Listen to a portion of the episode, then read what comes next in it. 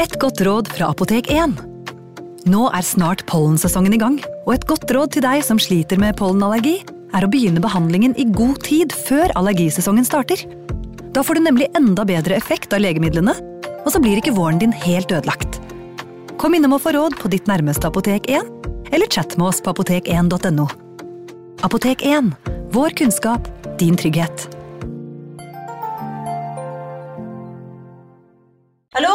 Jeg kommer fra Oslo politikammer. Ine Jansen er purk. Er du purk? The motherfucking bitch. Alt jeg vil, er å finne ut hva som skjedde med mannen min. Jon Carew. Er jeg sikta for noe? Iben Akeli. Det er du. Ole So, Lars Berrum og Big Daddy Karsten. Hvem sin side er du på, egentlig? Anette Hoff, Tone Danielsen, Kommer du fra Afrika? Jørnis Josef, Nesten. Kløfta. Trond Espen Seim, Det er synd å si det, men det var feil mann som døde. Purk. Premiere tirsdag på TV2 Play. Advarsel. I denne podkasten vil du høre historier basert på informasjon programlederne har funnet selv. Programlederne står ikke nødvendigvis inne for meninger og syn som fremstilles. Noen påstander kan avvike fra virkeligheten.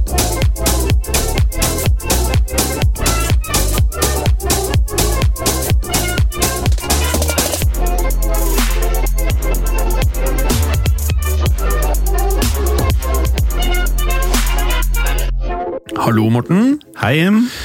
Morten, sier navnet Maximilien Robespierre deg noe? Jeg vet ikke om det er sånn det uttales, men det høres både kjent og fransk ut. Nei, kommer til Eriksal, helt riktig, men det er helt riktig, det. Vi skal nemlig til eh, Frankrike i dag. Men eh, når i Frankrike skal vi til?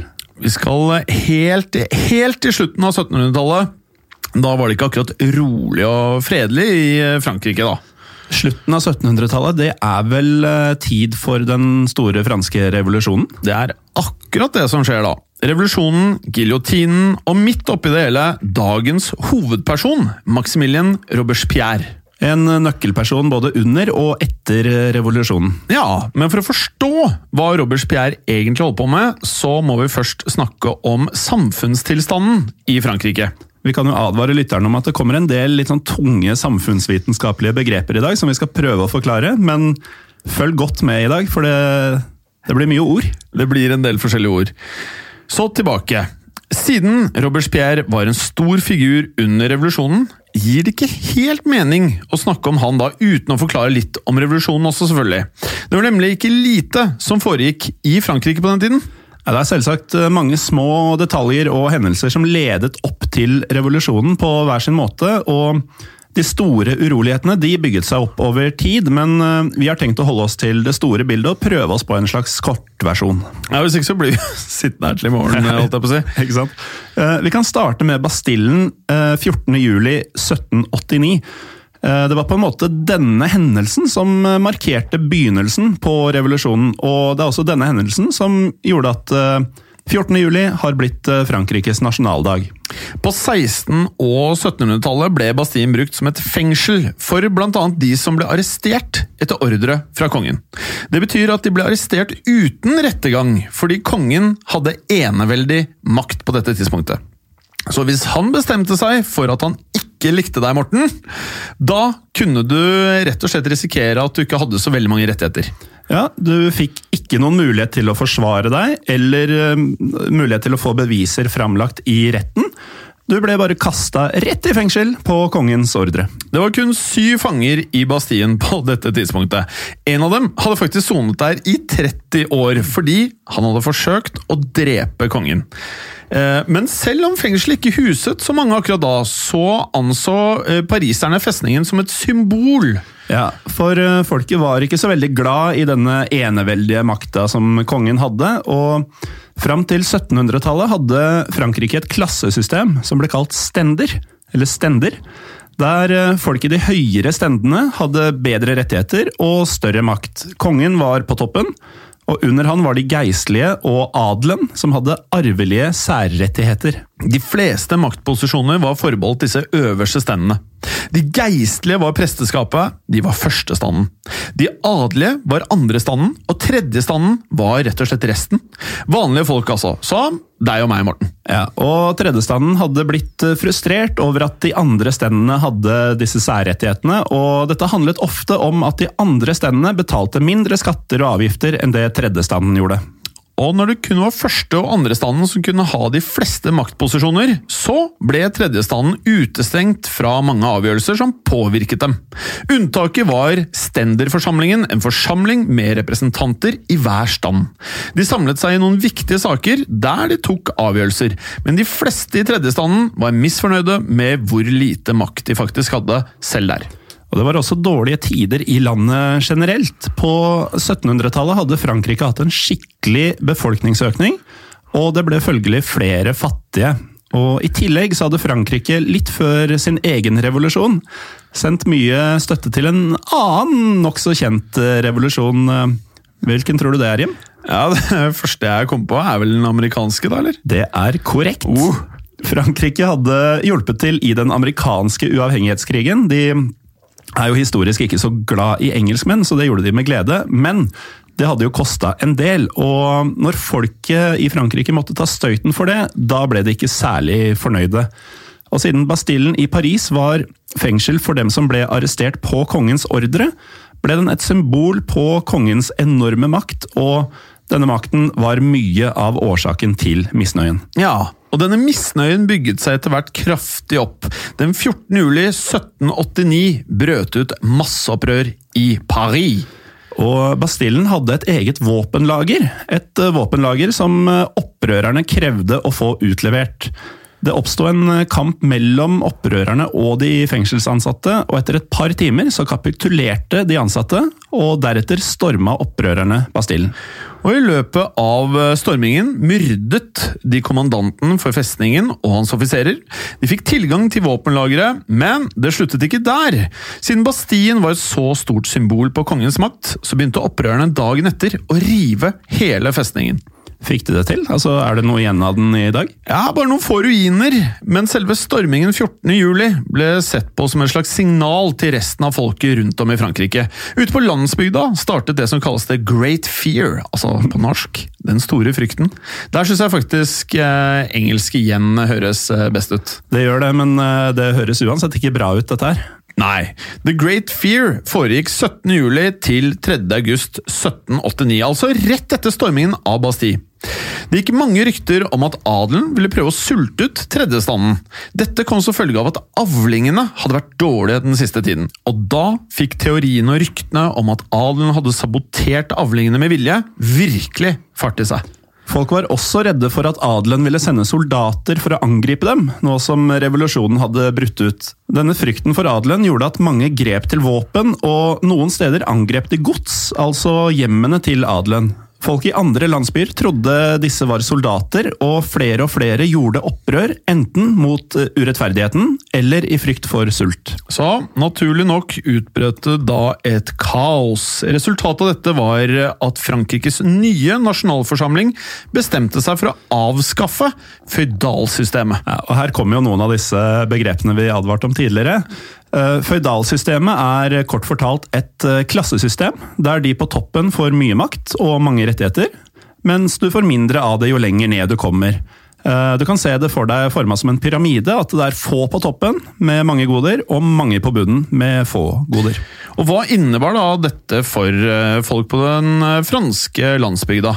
På landsbygda så gjorde føydalsystemet at de som eide gods, hadde langt mer makt enn bøndene, og at bøndene var helt avhengige av dem. Og Det var jo selvfølgelig en ordning som bøndene ikke satte noe særlig pris på, og det hadde også påvirket opprørene i The Great Fair. Så det ble avskaffet. Mindre makt til de på toppen av rangstigen, og det er her vi begynner å se konturene av vår hovedperson i dagens episode.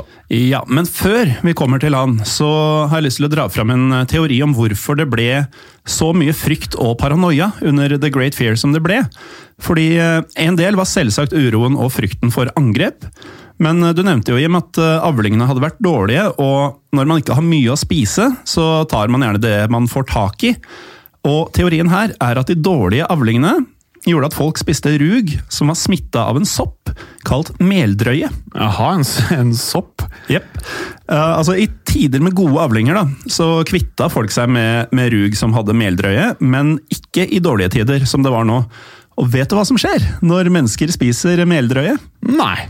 De kan eh, begynne å hallusinere, og de kan få kramper, panikk, lammelser og depresjoner. Kanskje litt sånn man ikke har så lyst på? Nettopp. Men hvis masse folk eh, får i seg dette, og masse folk lider av eh, hallusinasjoner og panikk, så er det kanskje ikke så rart da, at det ble kaos. Og det ble helt sikkert forsterket av ryktene om at adelen ville angripe og sulte i hjel eh, befolkninga. Og man trodde de skulle komme og brenne ned de lille avlingene som kom. Eh, det er jo bare en teori, og forskerne er ikke helt enige om om hvorvidt meldrøye kan ha bidratt til panikken, men jeg syns det er interessant å, å tenke på. Ja, Er ikke meldrøye den soppen forskerne lurer på om eh, hadde noe med heksejakten eh, i Norge å gjøre? Jo da. Eh, For de symptomene du beskriver, ligner jo på, mm, på de som eh, mange av de som tilsto å være hekser, beskrev at de faktisk hadde. Og Norske forskere har sett på at eh, hekseprosessene i Norge på 1500- og 1600-tallet kan knyttes til temperaturene. Eh, Det var da flere anklager og henrettelser mot hekser når det hadde vært kaldere, derav dårligere avling. Så det er, jo, det er jo en logikk i det. Altså, Hvis du blir spurt om du er heks, og du har masse kramper og hallusinasjoner og merker at du er helt forskjellig fra andre folk, så kan det jo faktisk hende at du tror selv at du er en heks. Og da tilstår du. Kan hende det, men tilbake til Frankrike. Nasjonalforsamlingen avskaffet da altså føydalismen. Hvem var denne nasjonalforsamlingen, Morten? Ja, Nå spør du vanskelig, men eh, de, de sprang ut av den stenderforsamlinga som vi snakka om tidligere. I 1789 så samla de seg, og tredjestanden, altså de lavest, eh, kom med et forslag. Alle representanter skulle ha én stemme hver. Likeverdige, uavhengig av stand. Det eh, hadde de ikke hatt i denne stenderforsamlingen, og kongen likte ikke dette, så han sa nei til forslaget. Representantene fra tredjestanden tok ikke dette så tungt. De bestemte seg for å bli landets nye nasjonalforsamling i stedet, med folk fra de mer privilegerte stendene med på laget. Fra 9. juli kalte de seg Den grunnlovgivende nasjonalforsamling. Og da er jo vi litt tilbake til alle disse ordene og begrepene. Det er mange av dem. Ja, det er det, og la oss bare se litt nærmere på hva en nasjonalforsamling er. Ja, Det er egentlig ganske enkelt. Det er eh, som vårt storting. Um, men dette er altså rett før stormingen av Bastillen. Ja, og med dette så ble kongens enevelde avskaffet. Ikke at kongen ikke var ekstremt mektig lenger, men nå var han i hvert fall ikke total i makten. Og kanskje hjalp det å bygge opp til stormingen av Bastillen. Um, noen dager etter at kongen ikke lenger hadde enevelde, så stormes symbolet på hans store makt. Og i den nye nasjonalforsamlingen finner vi Maximilien de Robespierre. Han hadde blitt valgt til å være en av tredjestandens representanter i generalstenderforsamlingen, altså den som nasjonalforsamlingen sprang ut av. Nå begynner det å bli mange lange ord med, med stender i seg. Men uh, Robespierre han kom fra middelklassen. Som vel blir andrestanden. Stemmer. Han ble født i 1758, og selv om familien hadde penger og derfor nøt en ganske god status, så var moren allerede fem måneder gravid da hun og faren gifta seg. På den tiden var det særdeles stor skam å bli gravid utenfor ekteskapet, så selv om de var gift da Robespierre ble født, var ikke folk spesielt fornøyde. Familien til faren var veldig mot ekteskapet, og Robespierre hadde derfor en stigma rundt seg i hele sin oppvekst. Da han var seks år, så døde moren, og faren forlot han og søsknene hans etter det. Eh, Det hindra imidlertid ikke Robespierre i å bli sendt til en eliteskole av eh, sine slektninger, så han fikk en sterk utdannelse. Og det var der han fikk øynene opp for filosofer fra opplysningstiden, og store tanker om samfunnet.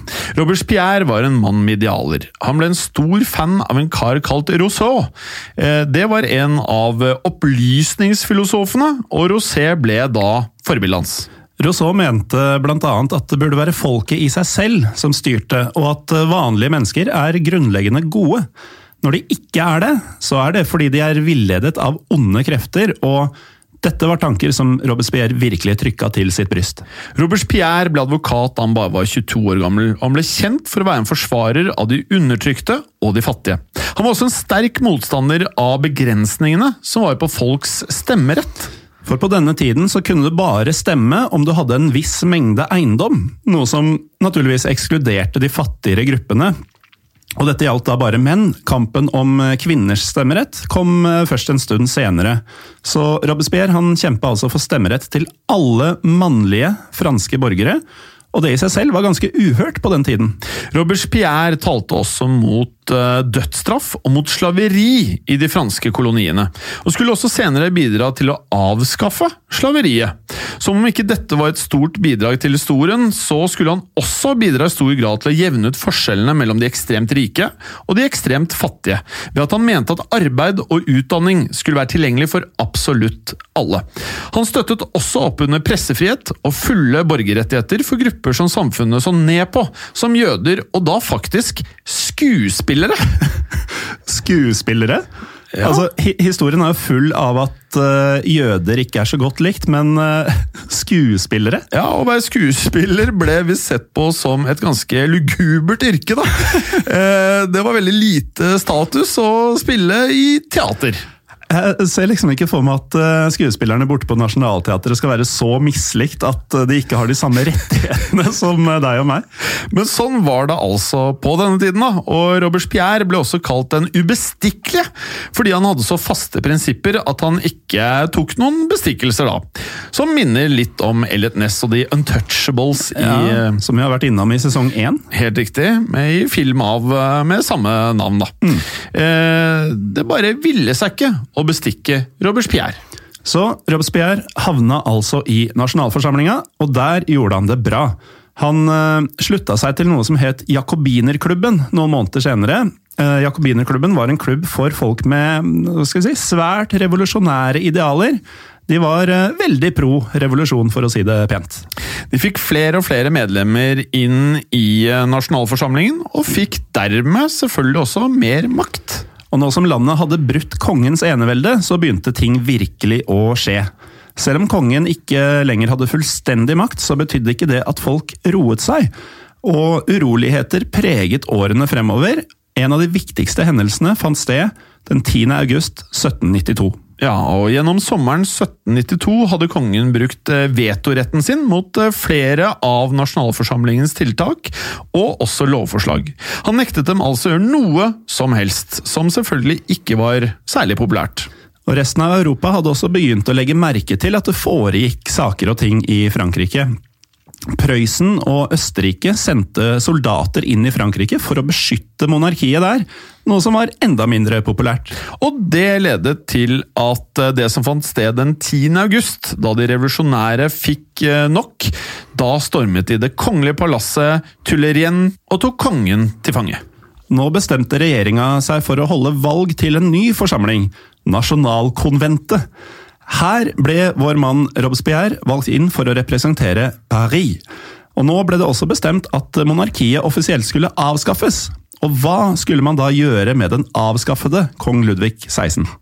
Vel, Robespierre, som var stor fan av den nye republikken, sa dette om kongen. Ludvig burde dø heller enn 100 000 rettferdige medborgere. Ludvig må dø slik at nasjonen kan få leve.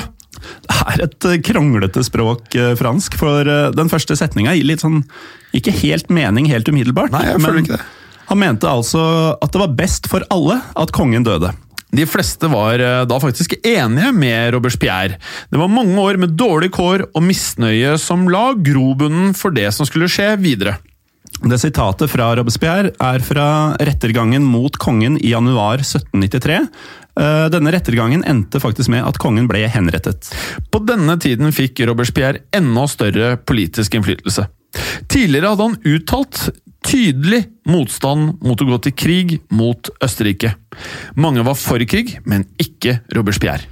Og Da denne krigen ikke gikk så bra og Østerrikes tropper eh, rulla innover Frankrike, så vokste misnøyen. Folk som tidligere hadde vært for krigen, de angra seg. Og siden Robespierre hadde fått eh, rett i at det var en dårlig idé, fikk han et godt rykte som en smart mann, og populariteten hans økte som følge av det. Han ble valgt til medlem av den svært mektige Velferdskomiteen. Det fulle navnet på denne var, eh, hør på dette, Komiteen for den offentlige velferd og det allmenne forsvar. Nå gjelder det å ha tunga litt rett i munnen her, med alle disse komiteene og forsamlingene og sånn. Eh, Komiteen skulle ha kontroll på nasjonalkonventet, som altså var den nye nasjonalforsamlinga, som kan sammenlignes med vårt storting. Og de skulle ha kontroll på regjeringa, i tillegg til en annen viktig oppgave. De skulle koordinere det indre og ytre forsvaret til revolusjonen. Men her, her var det satt inn en rekke frustrerende begrensninger for dem. Robespierre og lederne av jakobinerne klarte etter hvert å endre på disse begrensningene. Og i løpet av 1793 ble velferdskomiteen mektigere og mektigere. 10. oktober fikk komiteen uinnskrenket fullmakt, så de kunne nesten gjøre akkurat som de ville. Særlig påpeker kildene våre at komiteen under Robespierre innflytelse fikk nærmest diktatoriske fullmakter. Det høres jo egentlig ganske illevarslende ut, men eh, hva betydde det? Det betydde at de fikk en veldig stor rolle i den neste fasen av revolusjonen, som kalles skrekkvelde. Og hva det fantastiske navnet Skrekkvelde innebar, får dere høre mer om etter en kort pause. Velkommen tilbake. Jim, det siste du sa før pausen var at neste fase av revolusjonen kalles skrekkvelde.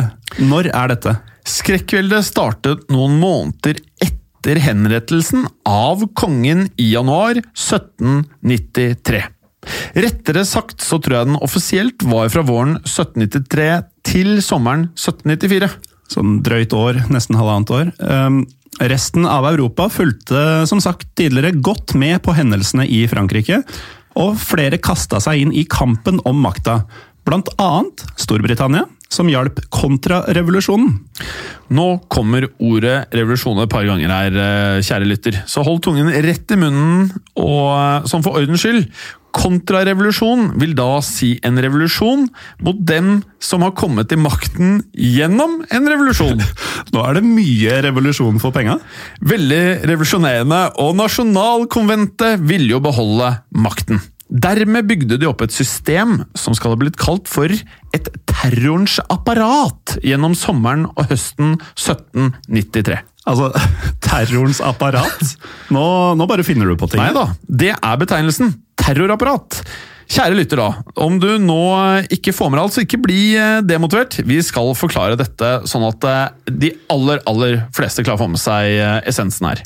Ja, vi, vi, prøver oss på en trinnvis forklaring her. Et annet navn på skrekkveldet er terrorveldet. Og terrorapparatet kan altså omtales som terrorens apparat.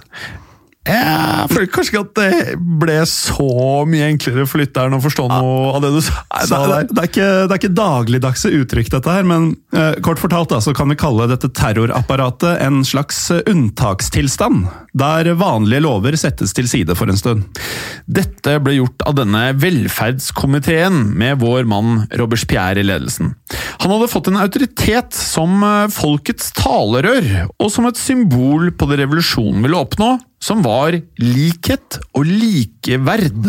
Jeg vet ikke om det var så mye likhet og likeverd i eh, dette terrorapparatets eh, øyne. Terrorapparatet besto av egne revolusjonsdomstoler, politistyrker og nye lover om politiske forbrytelser. Og De oppretta også egne overvåkningskomiteer, og landets økonomi ble strengt regulert. Akkurat. Disse revolusjonsdomstolene, hva var det som skilte disse fra da vanlige domstoler, da? Eh, som navnet indikerer, så forfulgte og dømte revolusjonsdomstolene bare personer og hendelser som hadde med revolusjonen å gjøre. Eh, det fantes dessuten bare én eneste straff i disse domstolene, og hva tror du det var, Jim? Ja en Bot, kanskje? Ja, det var litt mer enn det, altså. Tenk, eh, tenk litt større. Tenk eh, dødsstraff. Oh, ja. Uh, og man hadde ikke mulighet til å anke heller, så ble du funnet skyldig i revolusjonsdomstolen. Da skulle du henrettes. Det var ferdig snakka. Jeg kunne tenkt meg til det. Disse revolusjonsdomstolene de sendte mer enn 17 000 mennesker til sammen i, i, døden, og disse ble henrettet med giljotinen. Så man kan trygt si at hodene rulla under skrekkveldet. 17 000, altså det er så mange mennesker, eller så mange hoder. Ja, det, er- det er jo ikke rart at giljotinen er det symbolet man husker mest fra den franske revolusjonen. For, um, for de lyttere som ikke er godt bevandra innen denne verden av dødsapparater, så, så er det et apparat som ser mest dødelig ut av kanskje alle apparater noen gang laget. Det er så dødende apparatet her. Ja, for, for det ser jo ut som en, hva skal vi si, en stor dørkarm av tre. Bare at den har ikke noen dør. I stedet så har den et stort um, hakkeknivblad i toppen, som slippes ned av bøddelen, som slipper dette grandiose knivbladet ned i en forrykende fart mot uh, hodet til den stakkaren som skal bli henretta. Og resultatet blir jo da naturligvis et rullende hode.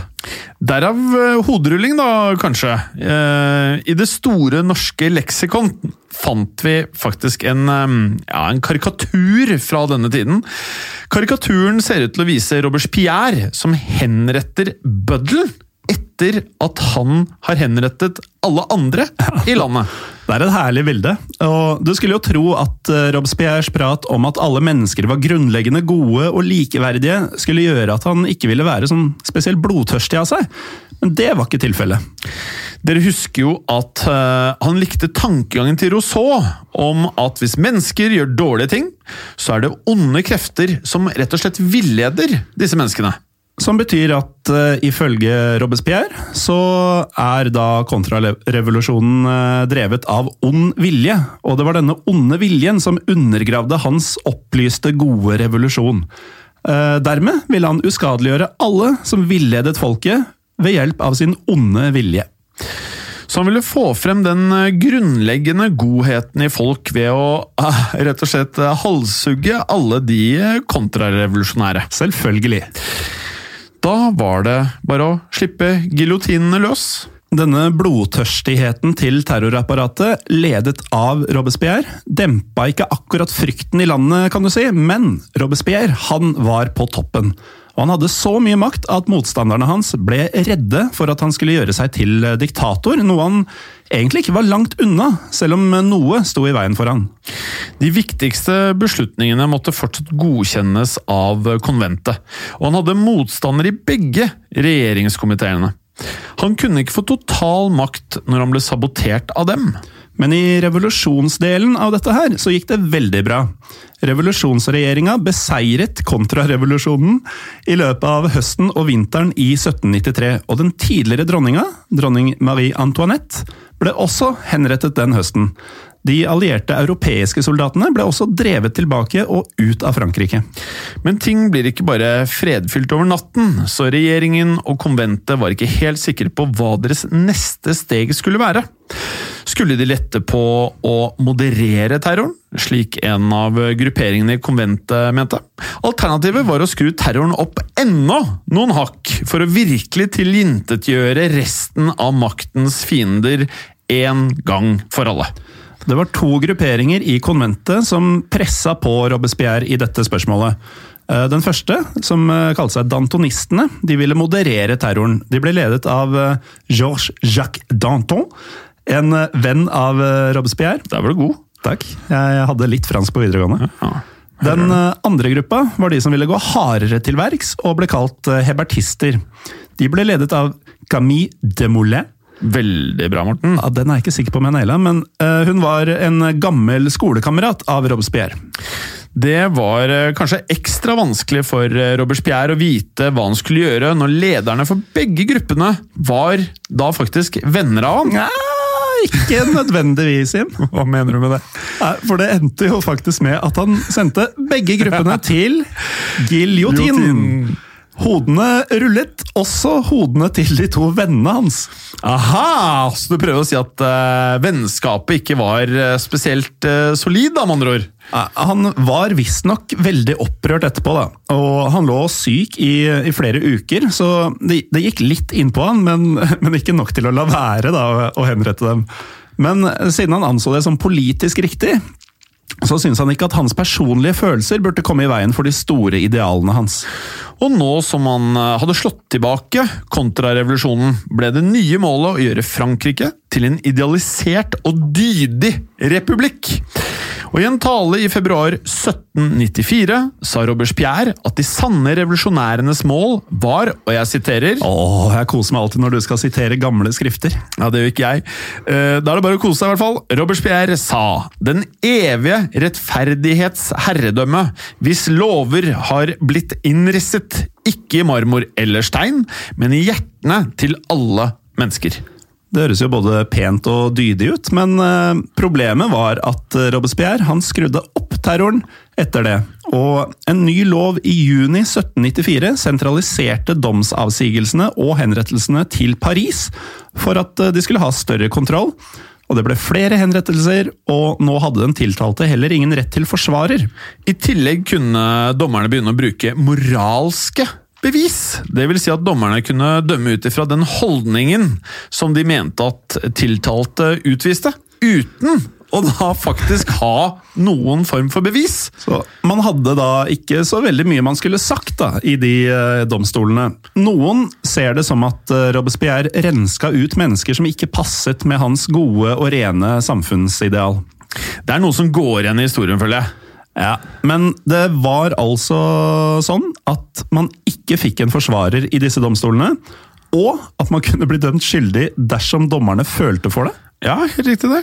Det høres jo egentlig ganske likt ut det vi eh, diskuterte i begynnelsen her. Denne misnøyen med kongen som bare kunne kaste folk i fengsel uten ordentlig rettergang, bare fordi han sa det.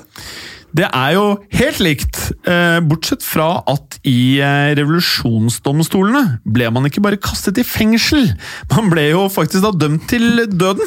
Så den nye loven gjorde egentlig at det nye systemet ligna mer på det gamle.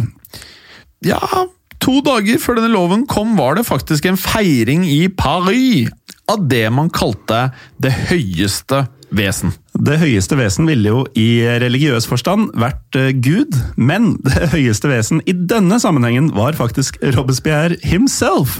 Så eh, det var i praksis en feiring av ham selv. Ja, han var en eh, maktens figur, denne Robespierre. Tanken var at sånne feiringer skulle få frem godheten i folk, sånn mens alle grusomhetene da fortsatt pågikk.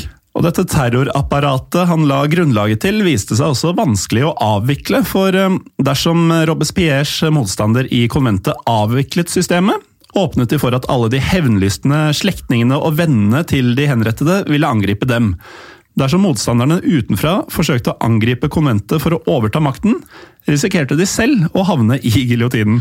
Altså et ekte samfunn fylt av ekte redsel, men dette betød også at Robespierre hadde fått mange fiender etter å ha giljotinert halve landet. Naturligvis. Men etter hvert ble nok medlemmer av konventet overbevist om at her måtte noe gjøres. De murret da Robespierre sendte gruppene ledet av vennene hans til giljotinen. Den ene av gruppene var jo de radikale, altså de som var mest sannsynlige til å forsvare Robespierre under et angrep. Han hadde jo vært en av dem selv. Nå var altså vennene hans helt borte. Motstanderen hans innså at det var duket for en sjanse. Mange ville jo naturligvis ut av terroren, mens andre frykta for sine egne liv, og dette førte til at allianser oppsto. En gruppe av spesielt blodtørstige terrorister i konventet ville ha vekk Robespierre.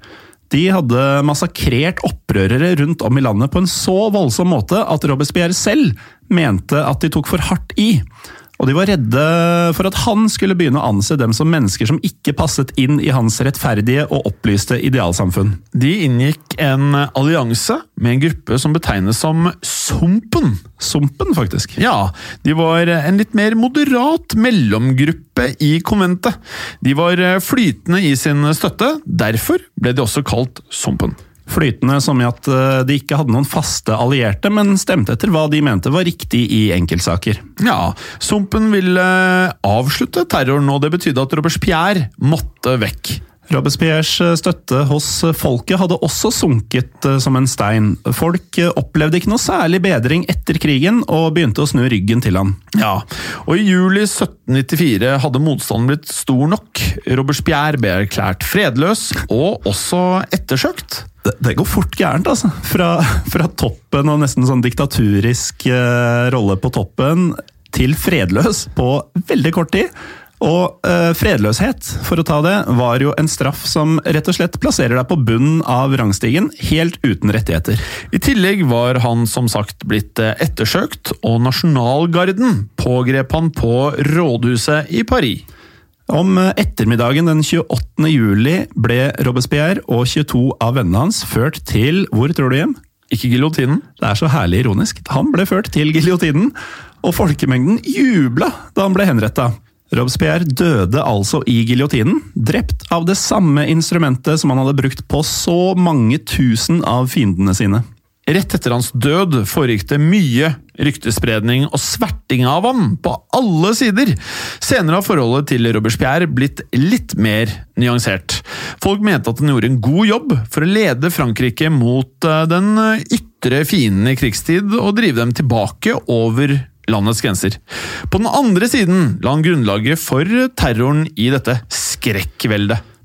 Etter at Robespierre ble styrta, så endra maktstrukturen seg i Frankrike. Konventet ble delt opp, og Frankrike fikk en ny utøvende makt kalt direktoriet, bestående av fem medlemmer. Disse nye, altså direktoriet, ble ikke populære. Støtten hos folket sank, og de militære fikk mer og mer makt. Og bare fem år etter eh, Robespierre ble henrettet, begikk en militær leder et statskupp, Morten. Du har nok eh, mest sannsynlig der hjemme hørt eh, navnet hans før. Kan det være Napoleon? Det er nettopp det det var. Napoleon Bonaparte tok makten og erklærte seg selv keiser av Frankrike. Det er det statskuppet som på en måte setter sluttstreken for den franske revolusjonen. Uten at det betyr at han reverserte alt som hadde skjedd. Den eh, franske revolusjonen gjorde slutt på kongens enevelde og på stendersamfunnet. Man fikk en erklæring om menneskerettigheter og at alle mennesker var født like. Og det la grunnlaget for hvordan Frankrike endte opp der de er i dag. Så det var det. Historien om eh, Maximilien de Robespierre.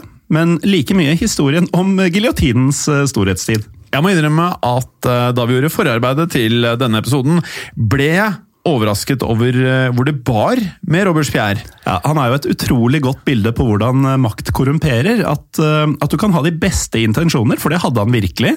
Men så fort du får for mye makt, så bare klikker det for deg. Akkurat det er noe som går igjen overalt i uh, verdenshistorien. Ja, akkurat det har skjedd og kan skje igjen, men det kan vi ikke si helt ennå. Vi tenker å finne noen bilder av både Robespierre og giljotiner og legge det ut på våre sosiale medier. På Instagram er vi Historiepodden Norge. Og på Facebook er vi Historiepodden Norge. På begge disse kan dere også sende inn forslag og ønsker til fremtidige episoder. Og så blir vi fryktelig glade for eh, førjulsreview på iTunes. Altså eh, eh, legge igjen stjerner. Legge igjen stjerner. Ja. Og det er også noe som har skjedd. Og som vi håper vil skje igjen. I produksjonen av Historiepodden så ønsker vi å takke Håkon Bråten for lyd og musikk. Takk til Felix Hernes for produksjon. Takk til Ellen Froktenestad for tekst og manus. Og takk til deg, Morten Galesen, for programlederrolle. Og takk til deg, Jim Fosheim, for programlederrolle.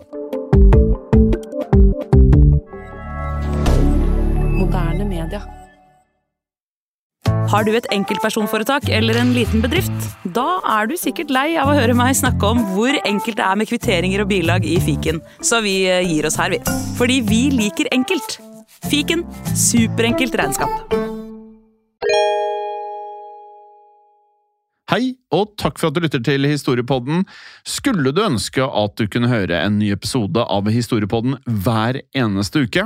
Vel, da er det én ting å gjøre. Da kan du laste ned podkastappen Untold med det samme. For i tillegg til ukentlige episoder av podkaster som Historiepodden andre verdenskrig, Henrettelsespodden og også Gangsterpodden, så får du masse annet reklamefritt og også eksklusivt innhold. Last ned Untold i AppStore eller Google Play og start din 30 dagers gratis prøveperiode allerede i dag.